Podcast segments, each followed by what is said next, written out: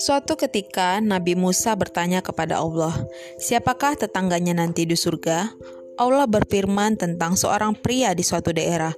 Bergegas Nabi Musa mencari pria itu. Ia ingin tahu seperti apakah calon tetangganya di surga nanti. Betapa terkejut Nabi Musa melihat seorang pria dengan kasih sayang memandikan dan merawat dua ekor babi.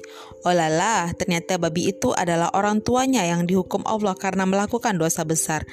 Karena tingginya bakti kepada orang tuanya yang buruk rupa, pria itu mendapat balasan surga. Orang tuanya pun akhirnya masuk surga. Subhanallah, begitu tinggi pahala yang Allah berikan kepada siapa saja yang berbakti kepada orang tua.